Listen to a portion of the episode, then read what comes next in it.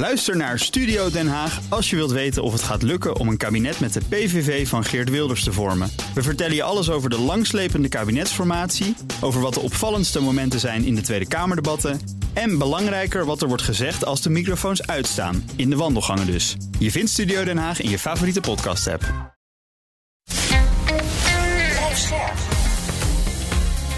BNR Nieuwsradio.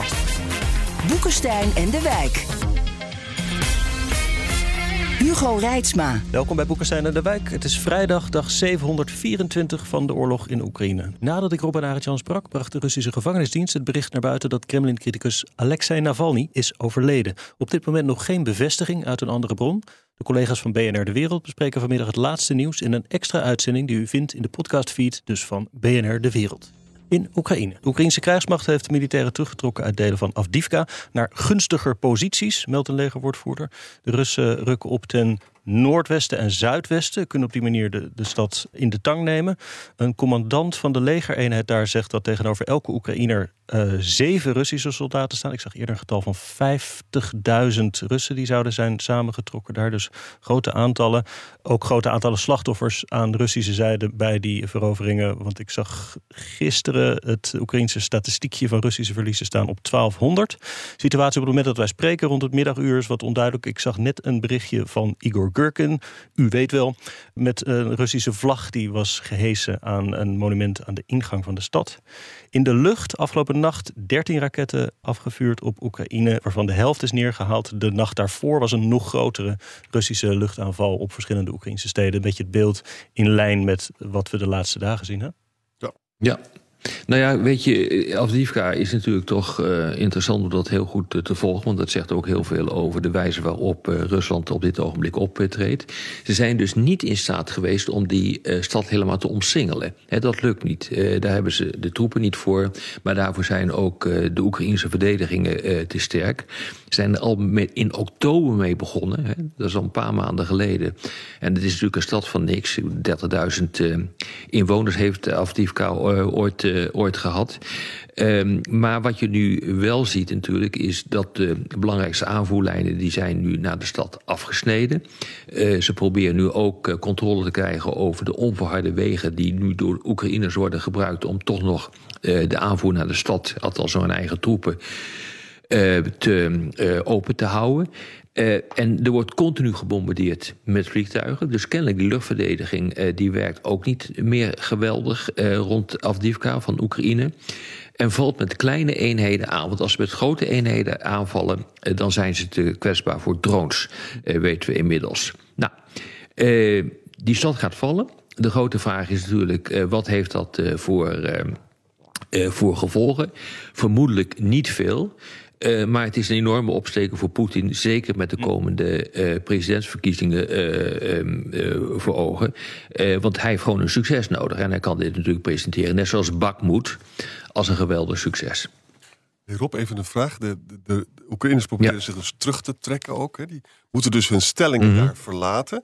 En als je je terugtrekt in de buurt van Afdivka, dan heb je dus nog geen echte stellingen daar die je kan innemen. Dat lijkt me problematisch. Nou ja, dat is de vraag. Ja, dat is een goede vraag. Eh, ik, dat weet ik ook niet meer precies. Ik weet wel dat ze nu eh, bezig zijn om ook een nieuwe ring van eh, um, fortificaties aan te leggen. Dus ik neem aan dat ze in staat zijn om daar achter terug te vallen. Kijk, als je naar de kaart kijkt.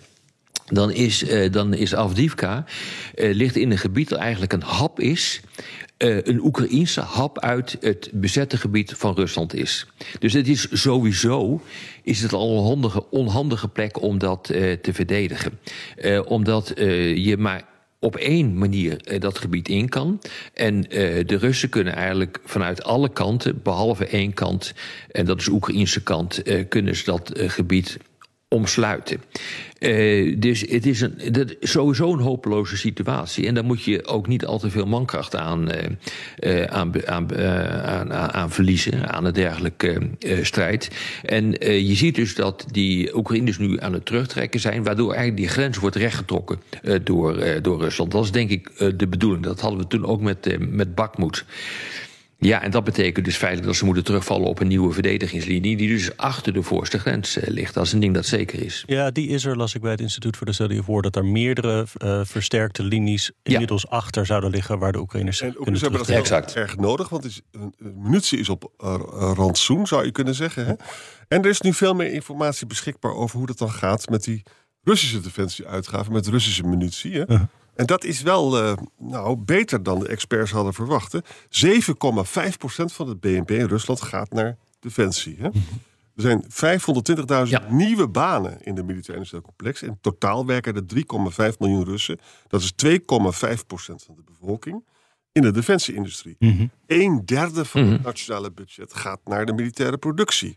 Ze produceren tussen de 2,5 en de 5 miljoen granaten per jaar. Nou, dat lukt de EU niet. Hè? Nee. Er zijn 6000 militaire bedrijven. Dat wordt ook wel de Kalashnikov-economie genoemd. Kijk, de westerse wapenproducenten die hebben dus van die lean operations, zo efficiënt mogelijk. Hè? Dat heeft, heeft Rusland niet.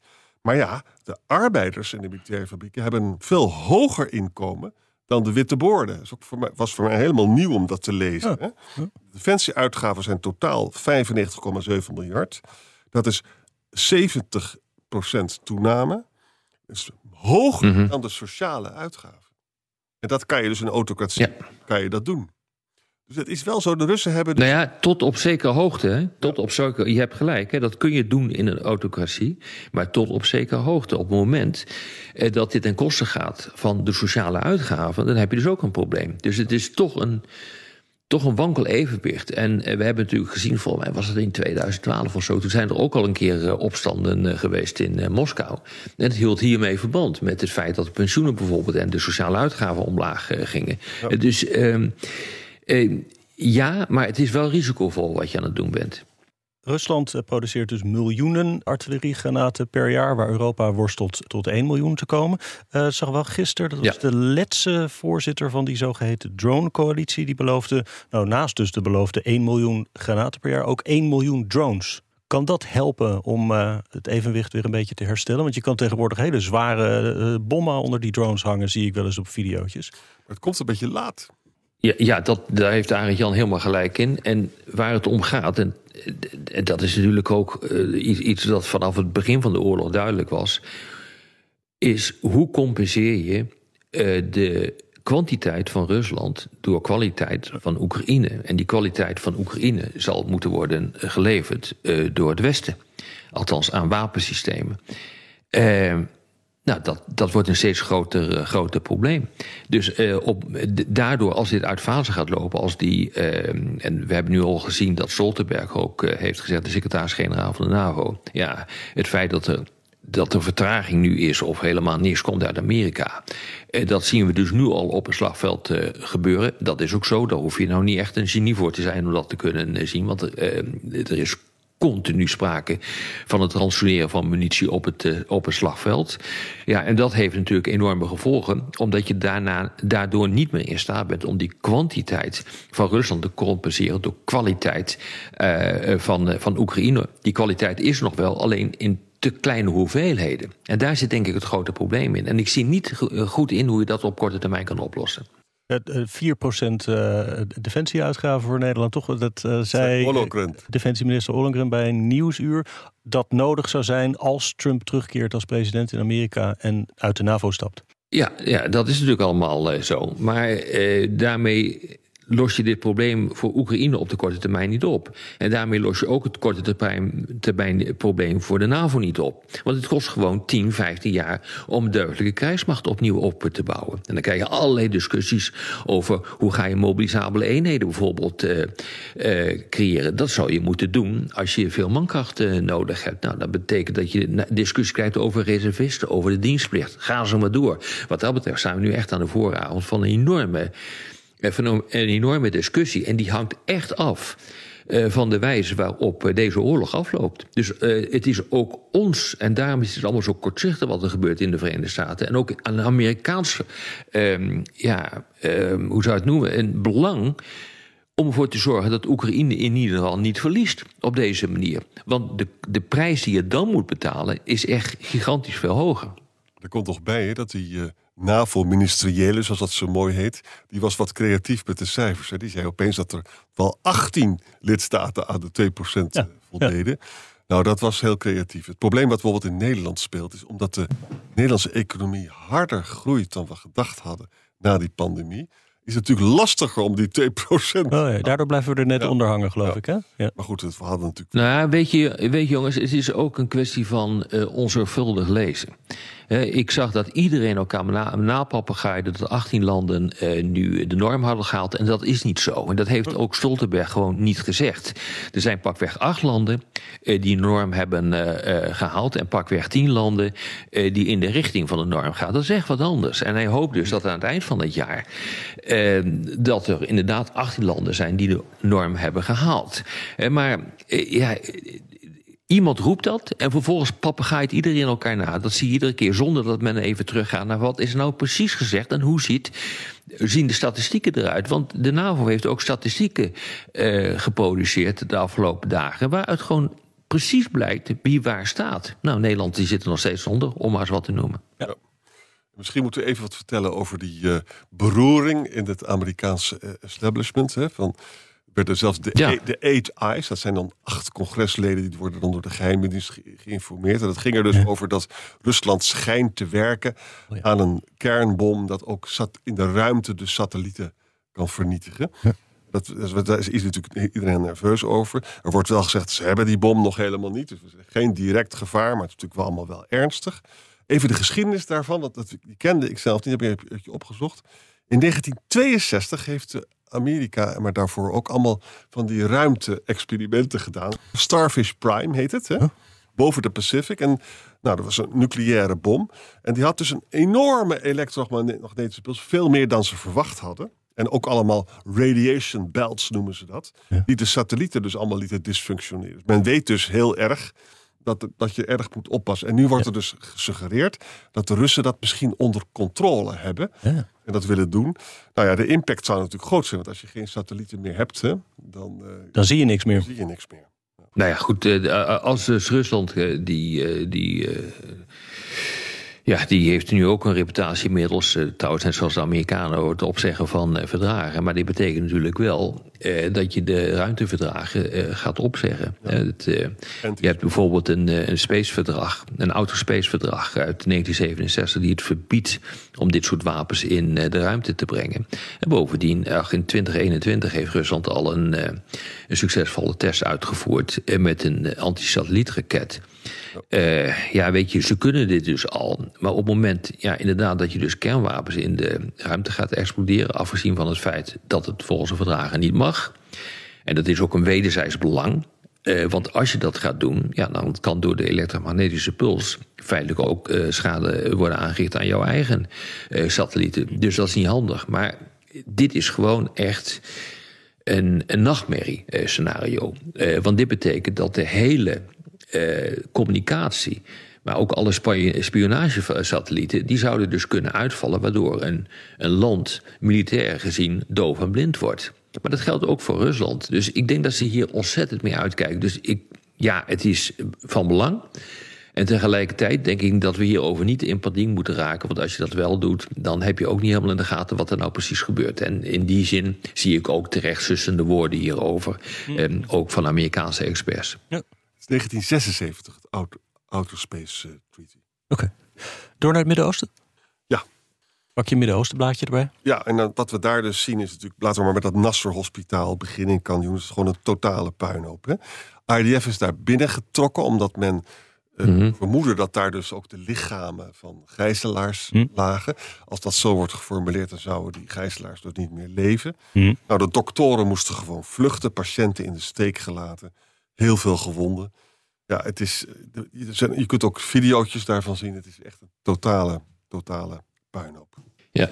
Nee, dat, uh, dat, uh, dat, dat klopt. En wat je nu ook ziet, is dat er weer aanvallen uit zijn gevoerd in Libanon. Ja. tien doden zijn daarbij gevallen, dus dat loopt daar ook niet, niet lekker. Kijk, het, het meest interessante op dit ogenblik is natuurlijk het politieke proces. want militair gezien is het hetzelfde lakende pak al een hele tijd. dus Israël die probeert Hamas overal door de hele Gazastrook een kopje kleiner te maken. Grote nadruk ligt nu op Gaan Yunis. Maar tegelijkertijd zie je dus dat er wel beweging aan het komen is bij Hamas. Uh, die wil geen uh, permanent staakt het vuren meer. Althans, dat willen ze wel, maar dat krijgen ze niet. Dus ze hebben wat dat betreft hebben ze een uh, draai gemaakt. En ze zeggen: oké, we gaan nu akkoord met een tijdelijk staakt het vuren van, van zes weken. En dat lijkt dan toch, want er wordt op een wat lager niveau op dit ogenblik onderhandeld, nog steeds volgens mij ook op dit moment dat er mogelijkerwijs toch een doorbraak zou kunnen komen. Ja. We hoorden ook van uh, onder meer Netanyahu nog een paar ministers harde uitspraken tegen een Palestijnse staat. Dat weten we dat ze daar tegen zijn. Maar dat zou een Hamas-staat worden, zegt ja. Maar dat lijkt een beetje, als ik het zo in de volgordelijkheid zie, een reactie op steeds duidelijker berichten. Dat we hebben het hier ook wel vaker over gehad. Uh, diplomaten van Amerikanen, Arabische landen werken aan plannen voor een staakt het vuren en dan uiteindelijk een tijdlijn naar een Palestijnse staat. Maar dat klopt. Maar dat klopt. En je ziet dus nu. Vinden, want ja, ga verder, sorry. Als, als eh. Netanyahu dat zou goedkeuren, hè, dan is hij zijn coalitie kwijt. Dus bedenk goed, hij zit aan alle kanten vast. Hè? Ja, dat klopt. Maar eh, wat je ook ziet is dat er eh, berichten zijn over geheime onderhandelingen, die dan ook niet meer zo geheim zijn op dat moment, over een toenadering tussen Hamas en Fatah. Ja. En die gaan dan samenwerken onder de vlag van de PLO. En uh, ze zullen wel moeten, omdat Hamas waarschijnlijk geen onderdeel meer kan uh, uitmaken van uh, een regering van, van Gaza of van het, mm -hmm. de nieuwe Palestijnse staat. Ehm, Qatar die wil dus ook een nieuwe leiding hebben over Gaza. Dat moet een technocratische ja, het moeten technocratische politici zijn. Dat willen zij ook hebben op de Westbank. En dat zou dus inderdaad uh, onder een Palestijnse autoriteit kunnen, dan wel de PLO. Teheran schijnt daar niet op tegen te zijn. Dus daar gebeurt wel iets op de achtergrond. Ja, moet je voorstellen hoe moeilijk dat is. Hè? Uh, de Fatah is dus totaal impopulair. En Ramallah, 15% van de mensen zien het nog zitten. Het is ook corrupt. Hè? Hamas is populairder natuurlijk in de Gazastrook zelf, maar volstrekt onacceptabel voor de Israël zelf. Dus je moet hier dus echt mhm. een soort technocratische ambtenaren daar neerzetten. En dan zal Hamas proberen via zogenaamd neutrale mensen daar zijn invloed weer te hebben. Ja. Het is natuurlijk een hm. helse operatie. Ja, misschien nog even, even toch een belangrijk punt. Wat we nu zien aan de zuidgrens van Gaza... is dat daar een nieuwe muur wordt gebouwd. En daar wordt ook een, eh, een stuk terrein vlak, uh, vlak gebulldozerd. En dat wordt door e- Egypte gedaan. En de grote vraag is, wat gebeurt er nou eigenlijk? Het, het idee begint toch te ontstaan... Uh, dat uh, er mogelijkerwijs toch een uitbraak zou kunnen komen van uh, Gazanen... die helemaal compleet in de klem komen te zitten... door zijn offensief in, in, Rafah. In, in, in Rafah. Ja. Ehm, dat die daar toch doorheen zien, uh, zien te komen. En dat ze dan vervolgens in een soort tweede verdedigingslinie... ja, je houdt het ook echt niet voor mogelijk hoor, dit... worden opgevangen door de Israëli's... en daar dan maar uh, ja, moet, moet, moeten gaan zitten... om vervolgens weer te worden teruggedreven. Uh, nou, het is inderdaad heel merkwaardig wat daar gebeurt... maar kennelijk maken die Egyptenaren zich grote zorgen... dat er een grote permanente aanwezigheid gaat komen uh, van Gazanen in, uh, in Egypte. Daar zitten ze absoluut niet op uh, te wachten. en zijn ze dus op dit ogenblik bezig met dit soort maatregelen. Maar we moeten nog even kijken wat er nou precies gebeurt. Ja. Ze zijn vreselijk bang, hè, als die operatie daar wordt uitgevoerd, dat het onvermijdelijk is dat er ook Gazanen door die poorten gaan. Nou, nu gaat dus Egypte. Ja. Nieuwe, het, is, het is een puinhoop. Gewoon ja. een puinhoop. Ja. Vandaag overigens uh, ook de officiële start van de Munich Security Conference. De zestigste van die jaarlijkse veiligheidsconferentie. Daar praten we morgen met Han Bouwmeester over verder. Maar die, die vertelde op tv vanochtend een prachtig verhaal dat ik niet kende. Jullie ongetwijfeld wel. Dat die conferentie in 1963 is opgericht door Ewald Heinrich von Kleist. Die samen met Klaus von Stauffenberg die operatie Walküre, de, de aanslag op Hitler in 1944, heeft beraamd. Al die mensen, Hitler heeft overleefd. Al die mensen zijn uh, geëxecuteerd. Maar deze man uh, is in concentratiekamp Ravensbrück gezet en heeft daar de oorlog overleefd. En deze conferentie opgericht. Prachtig. Interessant, hè? Ja, ja. dat is een belangrijke conferentie. Iedereen is er, hoor. Alle belangrijke spelers. Behalve de minister van Buitenlandse Zaken van uh, Iran. En ook Macron is, is er niet. Ja. Ja. het is een, wat dat betreft een fantastische conferentie. Het is, uh, ik ben er was geweest. Het is echt heel erg druk. Uh, voor mij hoeft het ook niet meer, want je kunt namelijk ongelooflijk uh, makkelijk zien wat daar gebeurt. Al die speeches die komen online te staan. Online, je kunt het ook ja. allemaal volgen. En degene die je wil spreken, uh, dit soort hoofdrolspelers, ik krijg toch niet te spreken. Dus nou, het is hartstikke leuk om daar eens een keer naartoe te gaan, voor zover dat mogelijk is. Uh, is ook wel een, uh, iedereen vindt dat ook wel een soort ho hoogtepunt. Alleen ja, de toegevoegde waarde is uh, voor jezelf altijd maar beperkt. Die kleinere conferenties kun je eigenlijk veel meer mee. Dus, daar zijn de, de hoofdrolspelers veel benaderbaarder. Ja. We gaan naar morgen horen. Tot morgen. Tot morgen. Ook Thomas van Zeil vind je in de BNR-app. Je kunt live naar mij luisteren in Zaken doen. De BNR-app met breaking news, het laatste zakelijke nieuws... en je vindt er alle BNR-podcasts, bijvoorbeeld Het Nieuwe Geld. Download nu de gratis BNR-app en blijf scherp.